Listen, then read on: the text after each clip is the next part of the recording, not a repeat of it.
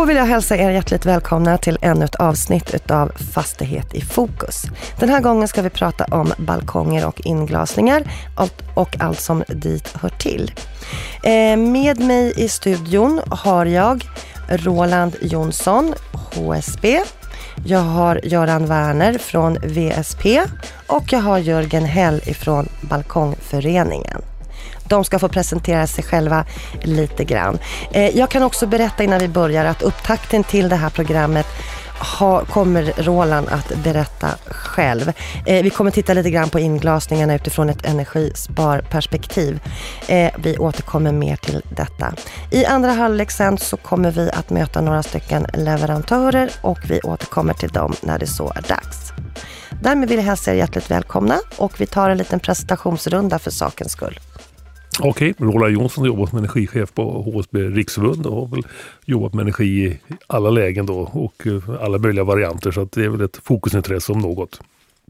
Ja, jag heter Göran Werner, kommer då från VSP, ansvarar för något som heter byggnadsfysik inom VSP Sverige och det handlar just om energi och innemiljö bland annat eh, i byggnader. Jag har jobbat i 40 år i den här branschen med energifrågor och eh, på 80-talet kom ju mycket kring inglasningar redan då.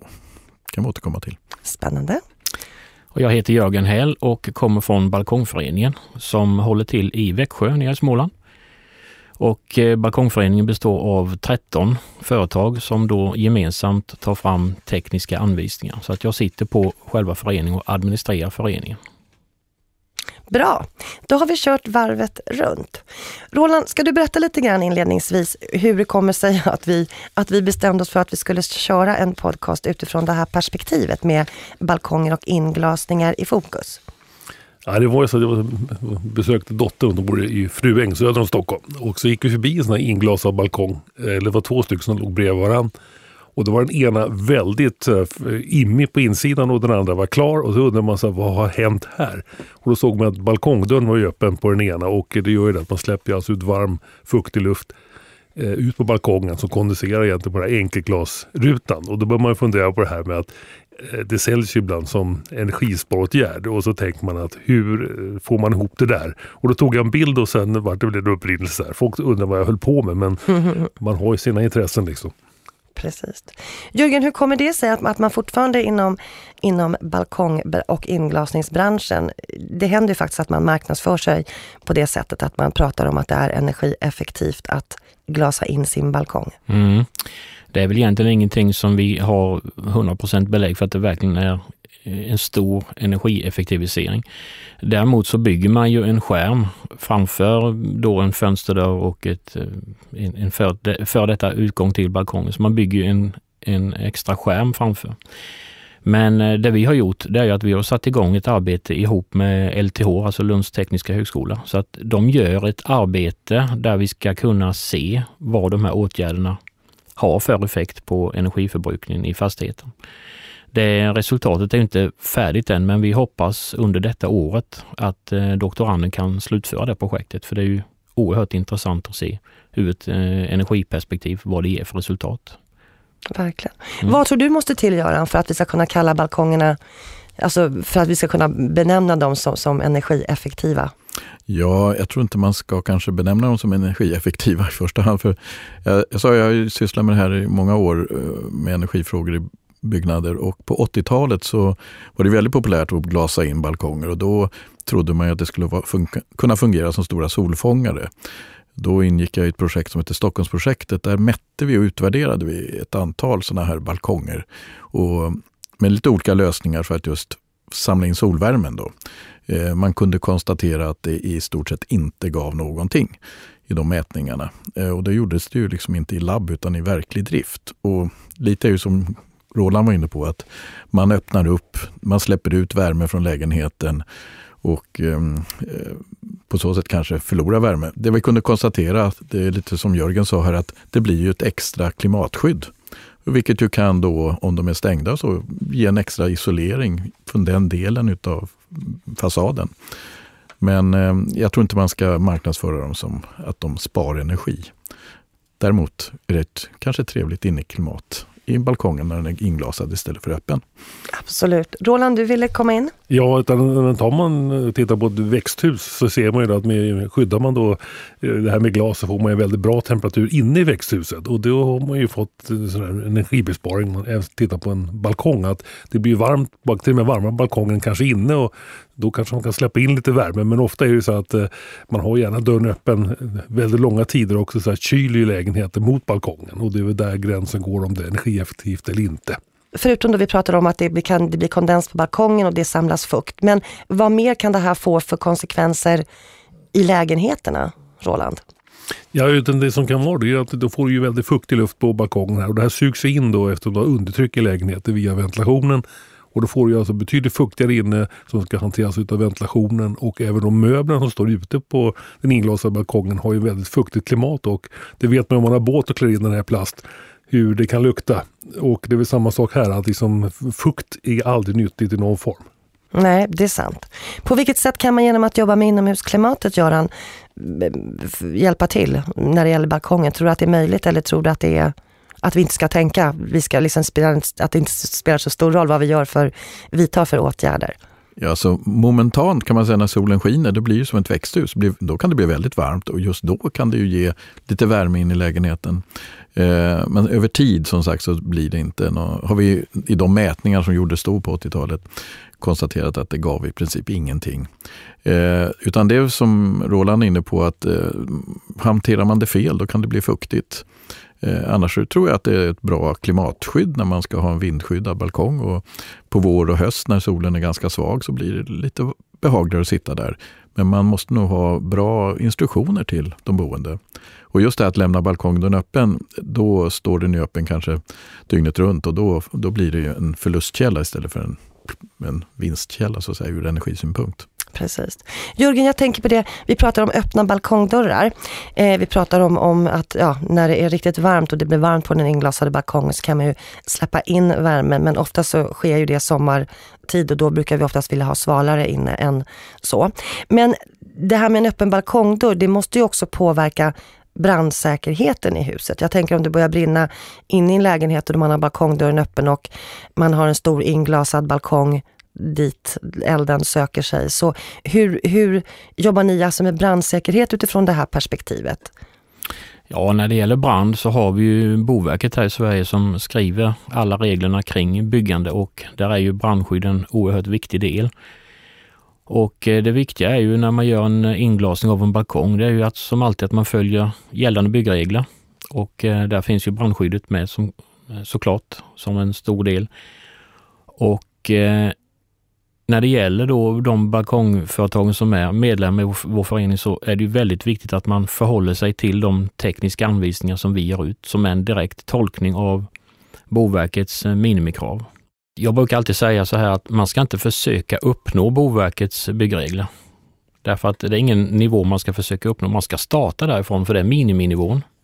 De anger ju miniminivån för byggandet i Sverige. Så man ska alltså starta på minsta nivå och sen ska man försöka göra det bättre om man kan och om man ser en anledning till det. Så det är viktigt att tänka på.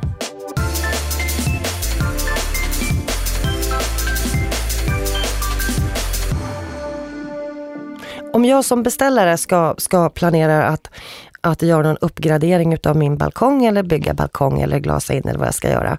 Så finns det ju precis i er bransch som i alla andra, det finns en uppsjö aktörer. Mm. Eh, vad får jag, alltså vad är vad ska jag tänka på när jag gör mitt val? Jag kan välja sådana som är medlemmar i balkongföreningen. Mm. Och det finns också en uppsjö av andra. Du nämnde själv att ni bara är 13 stycken idag som är medlemmar. Och om jag liksom snabbt räknar igenom de träffar man på, får när man söker på inglasningar och balkonger så är de betydligt fler. Ja. Eh, vad får jag genom att jag, alltså vad är poängen att välja ett genom er? Vad, vad, hur jobbar ni? Mm. Ja, jag förstår. Jo, det är ju så att de 13 medlemsföretagen som vi har i föreningen har ju varit med och gemensamt tagit fram de tekniska anvisningar som vi står bakom. Och De tekniska anvisningar som vi skriver, det anger ju minimikraven för byggandet i Sverige. Och Som medlem så förbinder man sig att följa de tekniska anvisningar vi tar fram.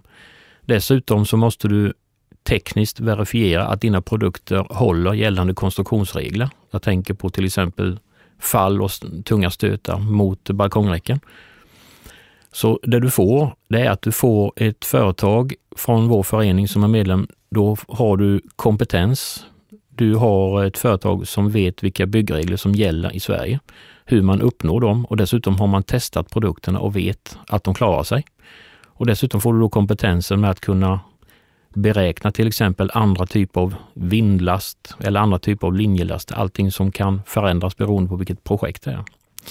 Och som du säger så är det ju många företag du får träff på när du söker på balkonginglasning och eh, det finns de som är duktiga och de som är mindre duktiga därför att ser man att någonting efterfrågas i branschen så är det ju alltid några som försöker dra sig till den branschen och, och tjäna lite pengar.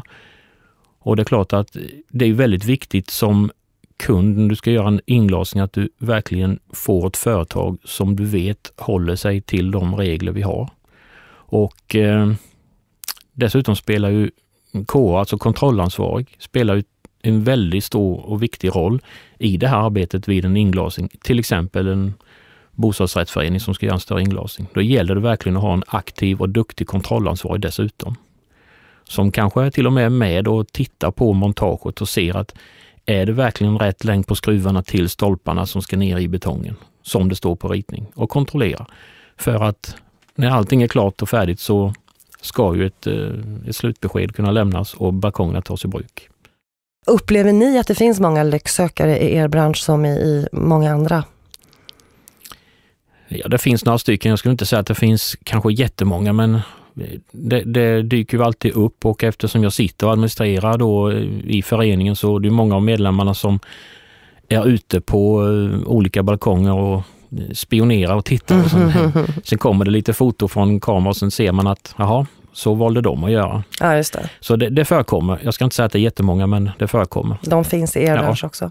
Någonting vi har pratat om också, eh, det är det här med, med utvecklingen rent allmänt. Och vi pratade om, Roland, du och jag, det här med att varför, hur kommer det sig att vi ännu inte ser lösningar där solceller är integrerade i vare sig räcken eller i balkongglaserna? Nej, det kan man ju undra, för det är klart, det är två branscher som ska, ska samarbeta i det här och det kan vara lite svårt.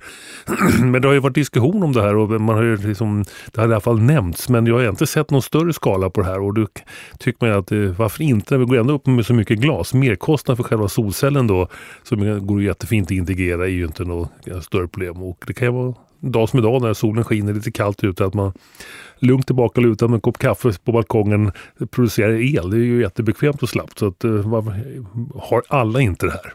Vad tror du att det beror på Göran? Ja, det är väl så pass ny teknik eh, nu med att integrera solcellerna i just glas så att det har väl inte spritt sig på det sättet. Men jag tror som Roland säger, det kommer säkert. Eh, att ha vanliga solceller som inte är integrerade i glaset, det finns ju på balkonglösningar lite här och var redan. Så det är väl nästa steg det här. Eh, har man solcellerna i glaset som är ovanför räcket, så att säga, inglasningarna, så blir de ju någon form av solskydd samtidigt. Och det kanske är bra för att eh, många gånger när man sitter på de här balkongerna så kanske det blir för mycket sol och varmt. Mm. Eh, särskilt på den lite varmare årstiden. Så jag tror man, man ska, den energiaspekten eh, man ska lyfta fram, det är nog möjligheten just med solceller. Den andra energiaspekten, att man spar värme för huset det, eller levererar in värme till huset, det tror jag man ska tona ner. Precis. Hur jobbar ni med det här inom föreningen? Ja, alla de medlemmarna vi har håller ju på med produktutveckling men eh, precis som Roland säger så är det eh, olika branscher och eh, hela byggbranschen är ju på sätt och vis eh, konservativ. Men vi ser ju nu att det kommer ju lösningar där solpanelstillverkare gör samarbete med systemtillverkare. Så man gör ett samarbete där man kan plocka in solpanelen i aluminiumprofilen. Och eh, fler av medlemmarna tittar ju på de här lösningarna och framförallt då att kunna sätta solpaneler upp på räcket upp till de här 1,10 som ett räcke ska vara det vi kallar bröstningsglasen där, där passar ju då solpaneler alldeles perfekt. Så jag tror man måste jobba mer tillsammans med eh, andra branscher och inte bara titta på just vad jag själv håller på med utan ta klivet över till en annan bransch och man bjuder in varandra till eh, och se vilka olika tekniska lösningar man kan få till. Och sen det Göran säger också oerhört viktigt därför att dagens solpaneler är ju mer eller mindre genomsiktliga och eh, vi ser ju det finns ju väldigt bra solpaneler idag som har bra genomsikt men ändå ger mycket energi. Och det skulle fungera oerhört bra vid en inglasning för att dels få lite mindre solvärme rakt in på balkongen men samtidigt kunna tillverka el. Hur, vad, hur kan ni göra för att, för att de här, alltså, den här trögheten som råder inom, inom bygg där alla ser om sitt eget skrå, den är ju liksom bekant sedan tidigare. Eh, men på vilket sätt kan ni utifrån Balkongföreningen vara med och påverka att, att i det här fallet, de här grupperna möts och slår sina kloka huvuden ihop för, mm. för, för, er, ja, för er saks skull. Ja, det gäller nog att inte bara vara just en balkong, balkongförening och bara titta på sina egna produkter och eh, berömma varandra och slå sig för bröstet, utan vi måste bjuda in andra branscher till att eh, träffa medlemmarna och vara med på våra möten och kanske delta på deras branschträffar och vara väldigt lyhörd och lyssna på vad som visas på mässor och på andra ställen. Så att vi kan bjuda in varandra och se hur kan vi samarbeta. Precis. Göran, vad, vad har du att tillägga om det här? Ja, om vi hänger kvar lite vid den här elproduktionen ja, från solceller ja. så är, finns det ju problematik med hur man så att säga, får nytta av den också och vem som får nytta. Och, eh, det är väl ofta så att ska man sätta upp solceller så kanske fastigheten som säger, ska ha samla in elen och, och, och, då är det inte den boendes intresse direkt. Nej, är det en bostadsrättsförening så klart mera direkt, men en hyresfastighet är det mindre direkt. Men, och dessutom så har det varit oklart om man behöver betala elskatt och moms och annat på, på elen. Och det där har ju börjat landa, men, men jag tror att det har gjort också att det har varit en osäkerhet till att göra de här investeringarna för att man vet inte riktigt vad blir ekonomin på det hela. Nej, det är intressant. Jag har, jag har jobbat ganska många år med, med branschtidningar och med tidningen Fastighet och bostadsrätt och många gånger har jag försökt att göra just speciella teman och annat tillägnat solenergi. Och jag tycker alltid att jag går in med så här 100% entusiasm. Men så får jag liksom alltid så här, ah, nej, för det känns som att det alltid ja, men det är alltid någonting, det är alltid någonting som är oklart och något nya besked man väntar på och det är lite sådär. Ja. Ja, det, man, det jag tycker man kan lyfta fram det är att det går ju ändå väldigt snabbt framåt när det gäller kostnadssänkningar, alltså ja, det, effektiviteten mm. och även att det blir billigare att installera och de blir eh, mer integrerade. Så att jag tror att det här är någonting man ska ha fokus på, att det är en stor möjlighet. Ja, det är det ju onekligen. Roland? Ja, men man kanske ändå ska titta på det här om man nu eh, har alltså sin egen balkong, att man även alstrar el där på, för till sin egen lägenhet. För ibland har du ju också någon form av strömmatning ut på balkongen, så det är lätt att ansluta just det till lägenheten. Men jag tror det skulle vara intressant att göra en utredning på det här, så egentligen hur eh, mycket el man skulle kunna alstra på balkongen och hur det här skulle se till ut i profilen på lägenheten, hur man använder det. Det kan vara så att gör man det här på rätt sätt så blir det precis så att det matchar lägenhetens eh, elanvändning då och eh, då, har man ju då får man lite återbetalning av investeringen man gjort för inglasningen eh, och minskar sin elkostnad och samtidigt gör då en insats så att man får då lite grönare el.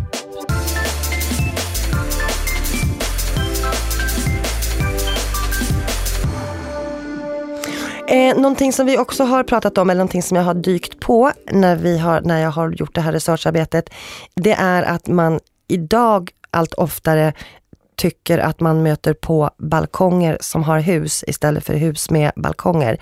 Eh, balkongerna har ju onekligen fått ett Eh, det har ju blivit lite grann som den gamla sportbilen var förut, någon slags eh, förlängare eller någonting.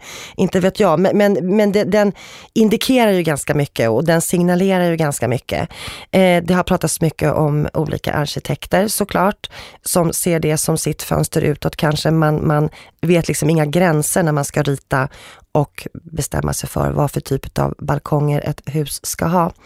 Eh, vi har fått också exempel på arkitekter som, som har ritat in vanliga pinnstaketsbalkonger så högt upp som 12-13 våningar högt. Eh, och då borde ju alla vara på det klara med att en sån balkong kan ingen människa använda i praktiken.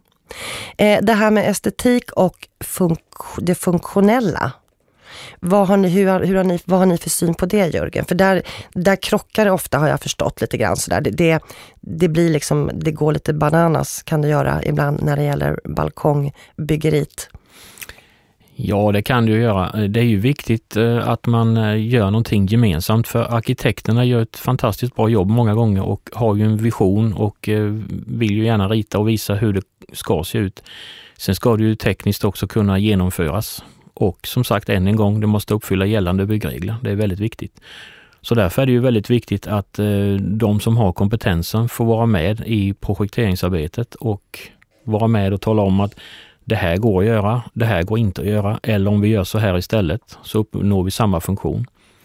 Så det är viktigt att inte bara ta en arkitektritning och utefter den bygga precis som arkitekten ville, utan det gäller verkligen att göra ett projekteringsjobb som eh, går hand i handske med de byggregler vi har. Ja, men jag, har ju, jag, jag har en fundering på det här när det gäller, alltså, man, man talar mycket om det här med hållbarhet och man tittar liksom hur mycket koldioxid produceras när man bygger kåken och allting. Ja. Och, men någonstans hamnar man ändå i det här läget att när det är dags och eh, alltså, riva grejerna. Hur stor del av de här glas, inglasade balkongerna är återvinningsbara? Är det härdat glas så är det på bilsidan väldigt svårt att återvinna och då är frågan är det inte samma sak på de här inglasade balkongerna? Intressant, vi bollar direkt mm. över till Jörgen. Det är en fantastiskt bra fråga och den dyker upp med jämna mellanrum och vi ser ju nu eh, med vårt EU-deltagande eh, e att det är väldigt viktigt att ha alla sina byggprodukter CE-märkta framförallt. Men dessutom så måste man ju också göra en byggvarubedömning på det. Och tittar vi på då aluminium så är det återvinningsbart och går att smälta om. Men allt glaset eh, ska gå att eh, återvinna och smälta om till nya glasprodukter. Och det görs ju till väldigt stora delar redan i tillverkningsindustrin av glas. Så både aluminium och glas ska kunna plockas ner och återvinnas och smältas om och göra nya fina produkter av. Det behöver eh, nödvändigtvis inte vara exakt samma produkt utan glaset i sig det kan ju bli andra byggmaterial som glasull och isolering. Men det är återvinningsbart. Spännande.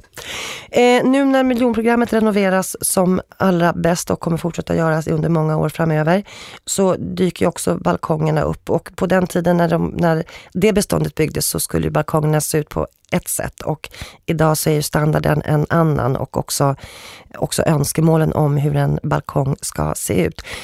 Vilka kan du se göra är de stora, stora förändringarna liksom rent Alltså hur resonerade man då, du som har varit med länge i branschen och hur, hur går snacket idag?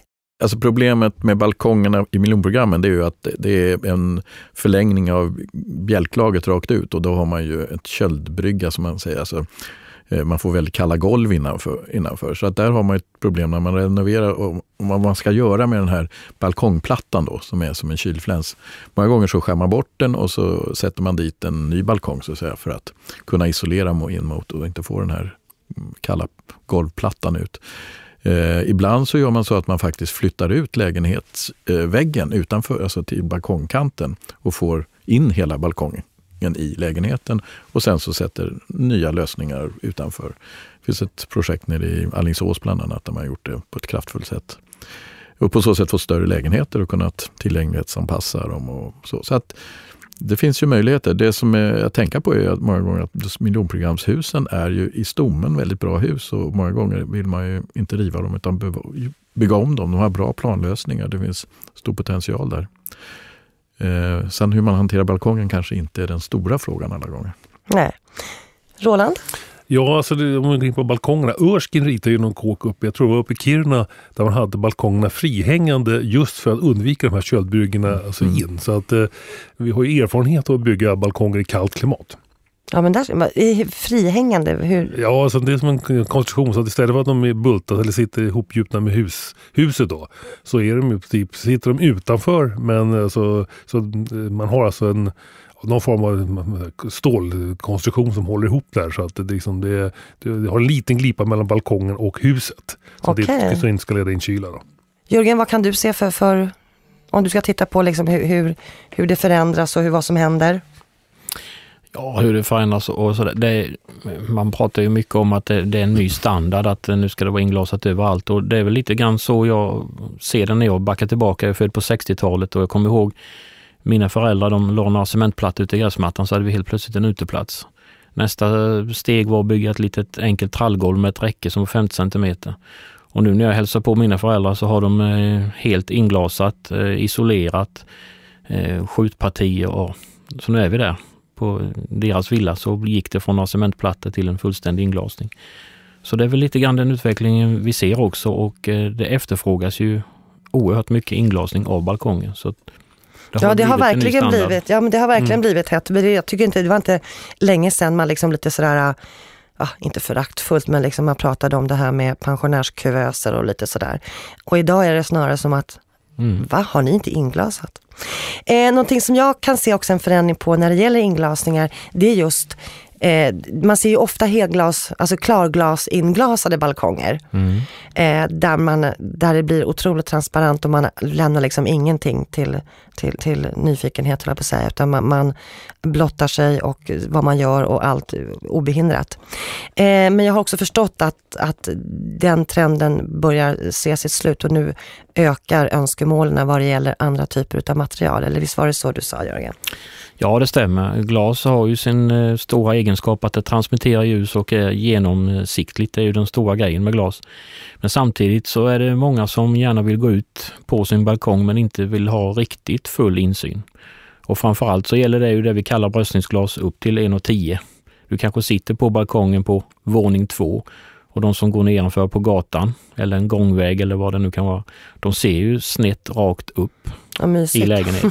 Så att eh, vi ser ju det är många eh, inglasningar då, många balkonger som har ogenomsiktligt glas upp till 1,10, alltså i själva räcket.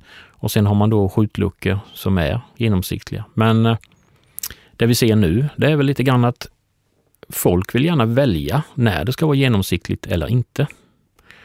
Och eh, där finns det ju glas idag där du själv kan ställa genomsiktligheten eller inte. Så det kan ju vara någonting som kommer framöver, att vi ser inglasning av balkonger. Men eh, de som sitter som eh, lägenhetsinnehavare bestämmer själv när det ska vara insyn eller inte. Spännande. Göran? Ja, nej, det var en annan reflektion när det gäller när man så här, kompletterar upp och glasar in och så tycker man att man har fått ett klimatskal som är, är hyfsat och då sätter man ut en elvärmare där eller en infravärmare. Mm. Mm.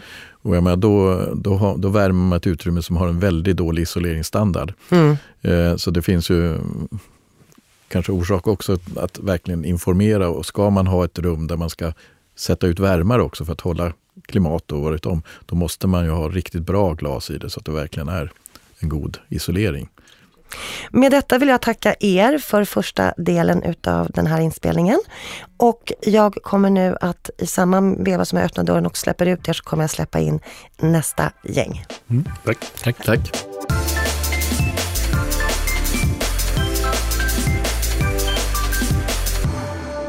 Då hälsar jag välkommen till andra halvlek utav den här podcasten som handlar om balkonger och balkonginglasningar.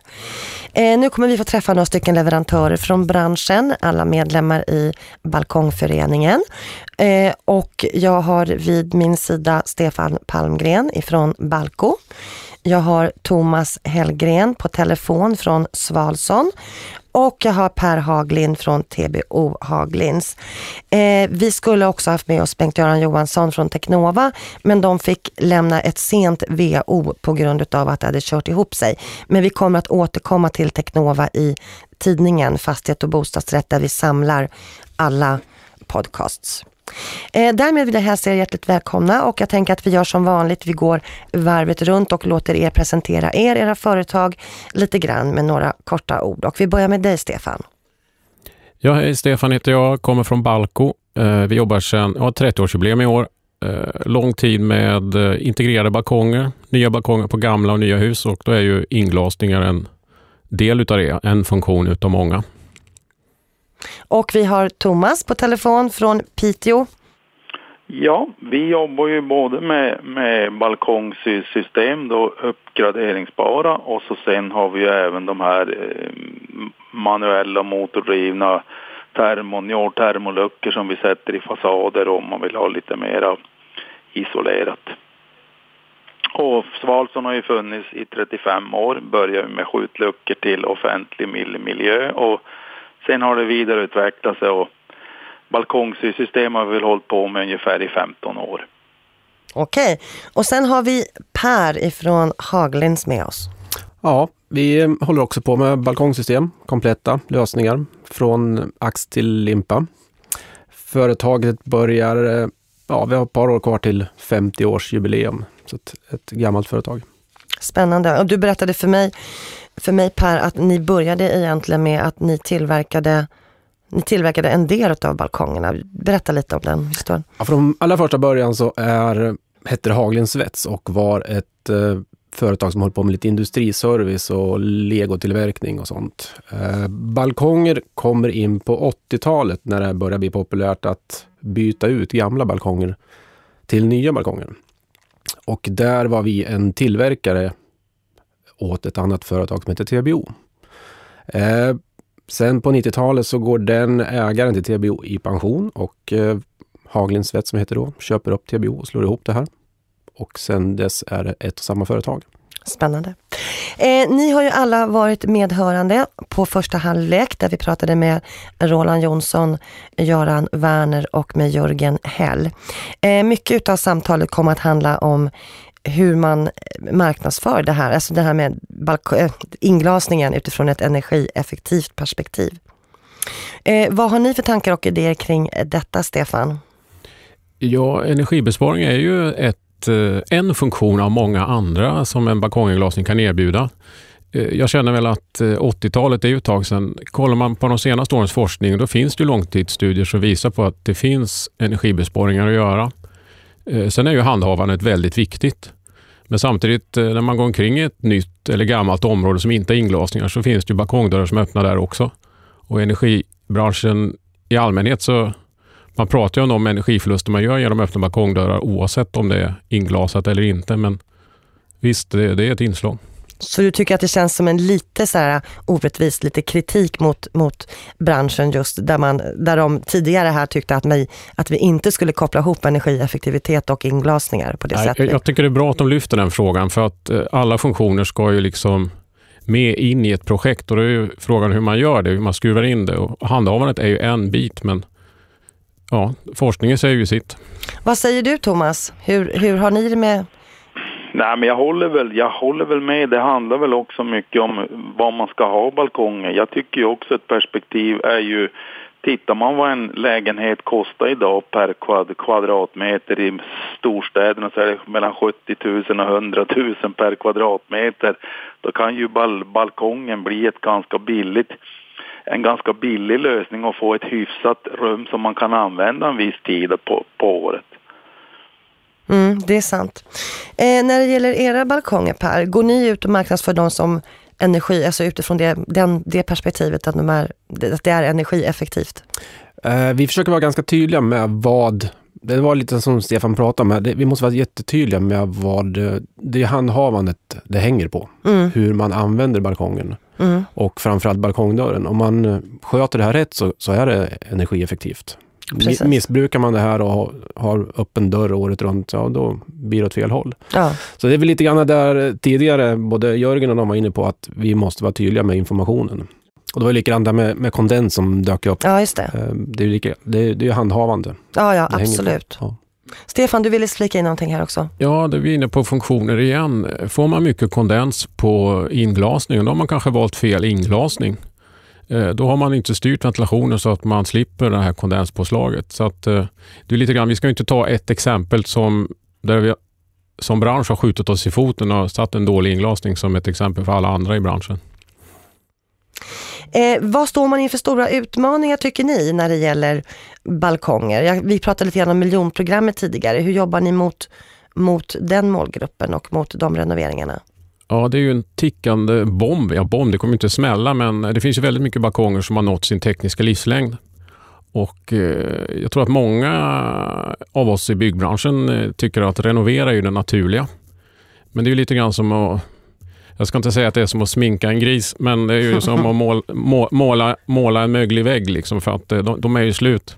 Och eh, det, det, måste göras någonting och då känner jag att om man nu ändå står med att man måste göra någonting, då kan man börja just fundera på vad är det för funktioner vi vill ha eh, på fasad framåt och då är ju balkongerna viktiga. Och eh, även lägenheterna ska ju leva upp till många fler krav idag. Det är många som jobbar hemma. Eh, vi vill inte flytta in till äldreboende, eller vi får inte flytta in till äldreboende när vi blir äldre. Och då är balkongen en del där och kunna ge fler funktioner i ett boende. Så jag känner att eh, prata med oss i branschen när ni har ett balkongprojekt som kommer så ni får med de här funktionerna. Sen kanske man får släcka några för att det finns estetiska krav och sådana saker men det är bra att kunna bredda innan man smalnar av. Mm. Per, hur jobbar ni med det här? Jag vet att vi pratade också om miljonprogrammet mm. och, och, ni hade lite tankar och idéer och också känner en stor utmaning inför det. Mm. Eh, det är väl så, alltså miljonprogrammet är ju, det är ju hyresrätter mm. och eh, har inte samma möjlighet att ta ut påslag för vad en ny balkong kostar om man ska byta ut och glasa in som en bostadsrättsförening har. Så det är lite tuffare att eh, göra nya större balkonger inglasade på hyresrätter. Ja, så länge det ska läggas på hyran där som ett tillval. Ja, ja. Mm. Och de flesta har väl inte de pengarna. Precis. Vi har också pratat mycket om solceller och solenergi.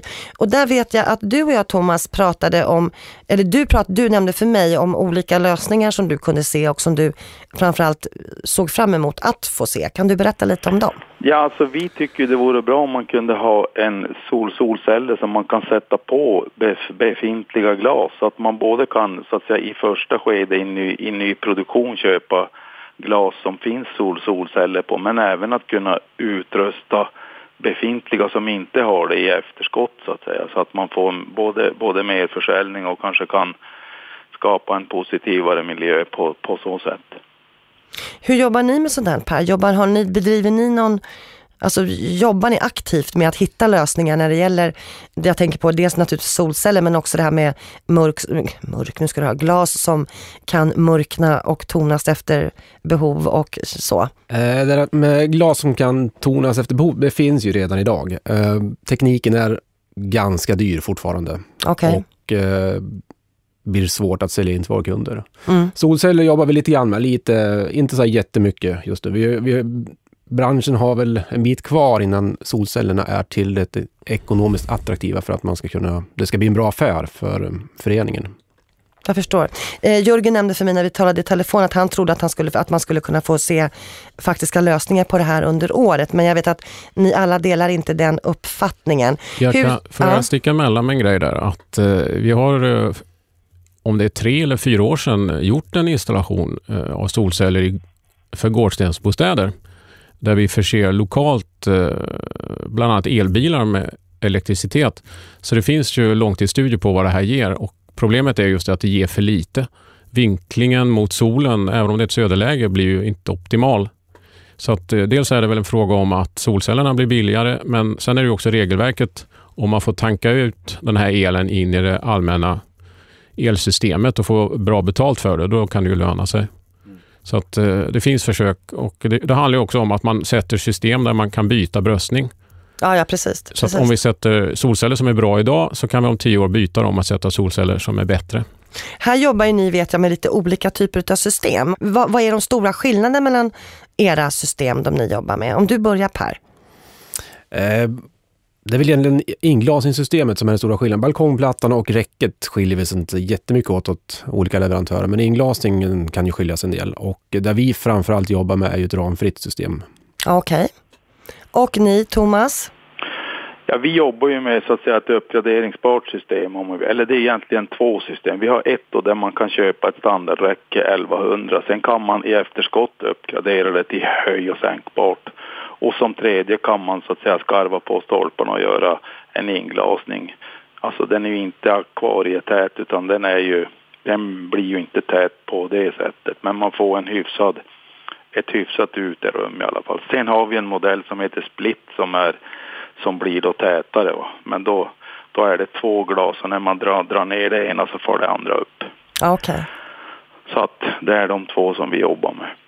Och det, det ser jag ju när man till exempel jobbar med, vi har ju lättare att få in att man köper standardräcket och sen kan man så att säga lä lägga höj och sänkbart på, på hyran. Ja, okay. det tycker jag har funkat hyfsat bra. Spännande. Ni då Stefan, hur, hur? Ja, vi har ju alla lösningar som finns på marknaden själv, själva då, så att vi tillverkar själva och vi monterar det själva och vi projekterar och konstruerar själva. Eh, så att det är ju igen, eh, vad är det för funktioner vi vill erbjuda och vad finns det för möjligheter att erbjuda utifrån ekonomi, estetik och så vidare. Någonstans vill man ha så mycket funktion som möjligt, då ska det ju vara tätt, det ska vara torrt, det ska vara ljudreduktion och det ska vara en styrd ventilation så man kan samverka in i fastigheten. Så att, eh, det är lite så vi tänker. Någonting som jag har pratat med, med den tidigare gänget om och som jag också ska prata med er om är lite grann det här med, ni alla har uttryckt en önskan om att ni kommer in, gärna kommer in tidigare i själva processen när det ska byggas och planeras. Ni kan alla erbjuda arkitektskisser och hjälp redan därifrån. Det kan ibland bli, ja, det här med när, när andra arkitekter kanske som inte är lika erfarna när det gäller balkong av förklarliga skäl som ni själva är, så kan det ibland gå lite, ja, inte överstyr, men, men balkongerna eller fasaden blir ju på något vis fönstret utåt och det är också där man har möjlighet att kunna sätta sin, sin exteriöra prägel som arkitekt, tänker jag, med klimatskalet och där balkongen är ju såklart viktig. Eh, vad har ni för, för, vad har du att säga om det här Thomas? Vi pratar om det här, du och jag framförallt också om, om Nej, men ibland kan jag känna att att det blir så att säga, man sätter ett pinnräcke där det är nära havet och blåser konstant och människor kan inte sitta ute. Och så kommer vi in och ska sätta bakom ett befintligt pinnräcke, ska vi sätta ett sånt där höj och sänkbart räcke. Man känner många gånger så borde det ju gå att förebygga det här, hur ska man använda balkongen? Ja precis, man kan göra hela processen mycket smidigare om, om, man, ja. om, om, man gör rätt från början på något sätt och inte bara ja. Vad har ni för tankar kring det här Per? Ja, vi vill gärna vara med i tidigt skede för att eh, vi har mycket erfarenhet av både funktion och det estetiska. Um, arkitekterna tittar kanske inte alltid på funktionen. Nej, utan precis. det estetiska och det är inte alltid det funkar ihop riktigt bra. Nej, men precis. Så vi vill gärna vara med från början och visa upp det här måste ni tänka på och så här kan man göra. Stefan, vad, hur jobbar ni här med? Ja, vi, vi, eh, vi håller ju med, absolut. Och det känns också så att eh, form är en av de viktigaste funktionerna. Men om man väljer en form som inte går att åstadkomma till en rimlig peng, eh, då tappar man den formen. Då är det andra funktioner som kommer att köra över det. Så att jag tror att för arkitekter, en del ritar säkert väldigt mycket balkonger, men jag menar, vi sätter ju 6 000 balkonger per år i Sverige bara. Och då har vi en del tankar och erfarenheter med där. Och de bjuder vi gärna på till arkitekterna så att de verkligen har torrt på fötterna när de sedan lämnar över sin design till byggare som, eh, som har andra intressen och andra roller. Liksom så att de verkligen har mandat att åstadkomma det de har ritat. Vad tycker ni, om, om ni ska ge fem grundråd, ganska så generella, vad ska man som, som, som fastighetsägare tänka på innan man liksom börjar fundera på att investera i nya balkonger eller att renovera de man har? Finns det några sådana punkter som man ska checka av absolut? Jag tycker man ska höra med oss leverantörer. Ring flera. Eh, kolla vad finns det för funktioner? Vad kan jag åstadkomma på den här fastigheten? Ta oss i handen. Eh, använd oss som en resurs i dialog med andra oavsett om det är dina politiker i byggnadsnämnden eller om det är stats arkitekter. Så att man verkligen får med så mycket som möjligt mervärden i ett sånt här projekt. Mm. Per? Ja, jag håller med. Du håller med? Ja. Och Thomas? Ja, absolut. Absolut. Helt rätt. Bra, då är ni eniga här. Eh, de stora utmaningarna då fram, framgent? Om vi börjar med Per. Jag tror nog det här med solcellerna. Mm. Det är någonting som kommer. Precis. Vad tror vi uppe i Piteå hos dig, Thomas? Ja, men jag tror väl överhuvudtaget att det är, alltså jag känner väl att balkongen överhuvudtaget tycker jag verkar vara som att det ökar som vi då märker. Och så sen det här som jag sa med motordrivna luckor i fasader, det är ju något som senaste två åren som har ökat för oss. Där man sätter typ i sovrum och vi har flera villor nu där man har satt i badrummet där man kör upp halva väggen när det är bra väder och sånt där som vi, som vi inte har varit med om tidigare kan man säga. Alltså i flerfamiljshus? Ja, alltså det är, alltså det finns, alltså det är, vad ska man säga, radhus där de sitter ihop, två hus har de gjort. Ah, ja, ja, okej, okay. jag förstår. Ja. Du nämnde också för mig att du såg att en av utmaningarna i närtid är just att få arkitekter och byggare att förstå vad balkongen ska användas till och att jobba jo, med funktionen. att man inte bara, som vi var inne på, att, att det inte bara är estetik utan att man även ska titta på funktion också så att det inte bara blir att det ska för nu finns det vissa arkitekter som jag pratade med som sa att jag försöker rita bal balkongerna skack så man inte ska kunna sätta inglasning. För jag tycker de är så fula. och då blir, det, då blir det ju så att säga känns ju lite sk- skumt om, om ja, ni förstår vad jag menar. Jag förstår, jag förstår. För er Stefan, vilka st- stora utmaningar känner du att ni står inför på Balko? Ja, det är lite sådär att vi har ett fastighetsbestånd i Sverige och eh, nu bygger vi ju i rätt så rask takt eh, nya lägenheter. Men det bestånd vi har, det ska vi på något sätt framtidssäkra också. Och vi använder ju lägenhet på ett helt annat sätt än när de byggdes på 50, 60, 70 och 80-talet. Och eh, nu känner vi väl att det finns en tendens att man ser mer musealt på fastigheterna, att de ska vara i originalskick. Men tyvärr, alltså vi som bor i dem är ju inte i originalskick från 40, 50, 60-talet. Så att eh, vi har blivit äldre, vi vill gärna bo kvar och ändå kunna använda vår balkong. Vi kanske vill använda balkongen till annat. Eh, och eh, då i förlängningen betyder det att estetiken får stryka på foten. Eh, och det där är ju en svår balansgång som vi känner att eh, alla måste ha rätt så en öppen attityd till att vi kan inte ha kvar det vi har alltid utan vi kanske vill åstadkomma andra saker. Mm. Eh, någonting som jag också tänker- tänker på, vi spelade in för, häromveckan spelade jag in ett, ett avsnitt som handlar om lås och larm. Och bland annat, och där fick vi bland annat lära oss att, att tjuvarna har nu helt valt andra vägar för att ta sig in i våra lägenheter när de är där och ska göra inbrott. Eh, nu hoppar man helt och hållet över lägenheten på tredje och fjärde våningen såvida man inte vet med all säkerhet att där inne lurar en, eller väntar en konstskatt. Däremot så går man med glädje in i på terrassplan, via altaner, eh, via inglasningar, via balkonger. Finns det någonting, att balkongdörren ska vara stängd och låst, det begriper jag, men finns det något, någonting i era system som är för att öka säkerheten på det sättet? Självklart ska det vara låsbart. Dels är det för att pundan inte ska trilla in och sen är det för att barnbarnen inte ska trilla ut. Så att eh, det är väl självklart. Det är likadant hos er alla tre. Ja, det är lås som gäller. Eh, då kommer vi till den sista punkten jag har skrivit upp och det är för att för en tid sedan så togs ju då ett regeringsbeslut på ett förenklat bygglovsförfarande när det gäller plan och bygglagen. Syftet med det här beslutet är bland annat då att frigöra tid för kommunens tjänstemän så att de istället kan ägna den åt att hantera viktigare saker än till exempel bygglov för balkonger. Eh, enligt vår bostadsminister eh, Per Eriksson så tycker han ju då det som sagt att nu när vi står inför ett, ett sånt stort tryck på nyproduktionen så är det viktigt att vi frigör de resurser vi kan. Konkret så innebär det här då en förenkling bland annat innebär den här förenklingen bland annat att fastighetsägare och fastighetsbolag med flerfamiljshus i sitt bestånd slipper söka bygglov för att till exempel bygga balkonger. Och redan nu så pratar man om Peter Erikssons balkonger som ett, ett komplement till Attefallshus och friggebodar. Vad kan ni se om framtiden? Nu har ju inte vi hunnit tugga igenom hela den här beredningen, eh, proppen, luntan. Men eh, det vi ser det är ju att det här gäller inte för flerfamiljshus. Man anser att det påverkar omgivningen för mycket så att det vill man inte släppa utan det är en och tvåvåningskåkar. Som vi tolkar det. Och jag tycker det är vettigt. Jag menar bygglovshandläggarna ska ju bevaka det allmännas intressen.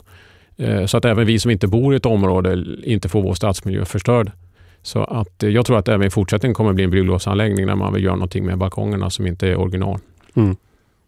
Och är- delar ni den uppfattningen ni andra också? Ja. För ja, det, det tror jag. För ja. det jag kunde se bara så spontant är att nu när man då har liksom, jag som inte nå, kan någonting om balkonger så, men ändå jag, jag ja, vistas ju på balkonger, både en och två våningar upp och, och ännu högre. Och jag kan tänka så här, om vem som helst kan åka förbi något stort byggvaruhus och lasta på en, en balkong för att sen skruva fast i sin fasad så kände jag så där att oj, hjälp, det måste väl till, man måste väl verkligen veta vad man gör tänker jag. Men det ser inga risker i det utan det, det, ska, det är inga konstigheter så. Du får ju byta tak på huset utan att du behöver söka bygglov för det. Jag menar, så att det, Jo, det men är, balkong låter så, det låter så mycket mer avancerat i mina öron. Det kanske inte är. Vad bra, då får vi välkomna den förenklingen. Eh, med detta tänkte jag bara att vi skulle ta ett, ett avskedsord. Och eh, vad tror du eh, har hänt inom balkong, eller kommer hända inom balkong och inglasningsvärlden de närmsta fem åren? Stefan? Jag tror att vi kommer få se kravställare. Eh, våra kunder kommer att vara duktiga på att ställa funktionskrav eh, så att de inte bara får en renoverad balkong utan de verkligen ser att det är samordnade system med fastigheten i övrigt. Okej, och du Per? Eh, ja, det är lite samma som Stefan där. Plus det blir ju mer och mera ett rum. Vå- Alltså de, våra kunder vill ju, ser ju det här mindre mindre som en balkong utan mer och mer som ett rum. Så det mer och mer tillbehör kommer ju till balkongen. Jobbar ni mycket med tillbehörssidan? Ja, Det gör mycket, ni. mycket, ja, det, det är en del. Eh, Är det någonting som, som växer liksom? Ja, det gör det. Det är ju gardiner, mattor, spotlights, roligt. värmesystem och sånt där kommer mer och mer. Är det likadant för er alla? Att ni märker en, en Ja, Absolut. absolut. gud vad Det- roligt. Ja. Gud vad roligt. Så det blir mer och mer som ett rum. Även Ja. fast det nu inte ska klassas som ett, ett rum. Nej, man får vara försiktig Man som sagt försiktig. bara så att det Och det, inte... det är ju informationen igen, vad som vi måste Ja. vara jättetydliga med. Precis. Och Thomas, hur ser det ut Ja, jag, hos er om fem år? Jag, jag upplever ju att man, att man vill få ut mer. Det är som jag sa det där med priset, kvad- kvadratmeterpriset. Många är beredda att satsa ganska mycket pengar på balkong och, och då vill man att det ska vara funktionellt, fräscht, snyggt och praktiskt på alla sätt. Gud vad, jag, vad härligt och vad jag längtar till att det ska bli i mitten på maj så jag kan börja inreda min icke inglasade balkong för säsongen. Med detta vill jag tacka alla er som har varit med i det här programmet, både i första och andra halvlek. Eh, ni kan läsa mer om detta program i tidningen Fastighet och bostadsrätt. Ni hittar oss på vår hemsida www.fastighetocbostadsratt.se. Ni hittar oss också på sociala medier som Instagram och på Facebook. Med detta vill jag tacka er som har lyssnat och er som har medverkat. På återhörande.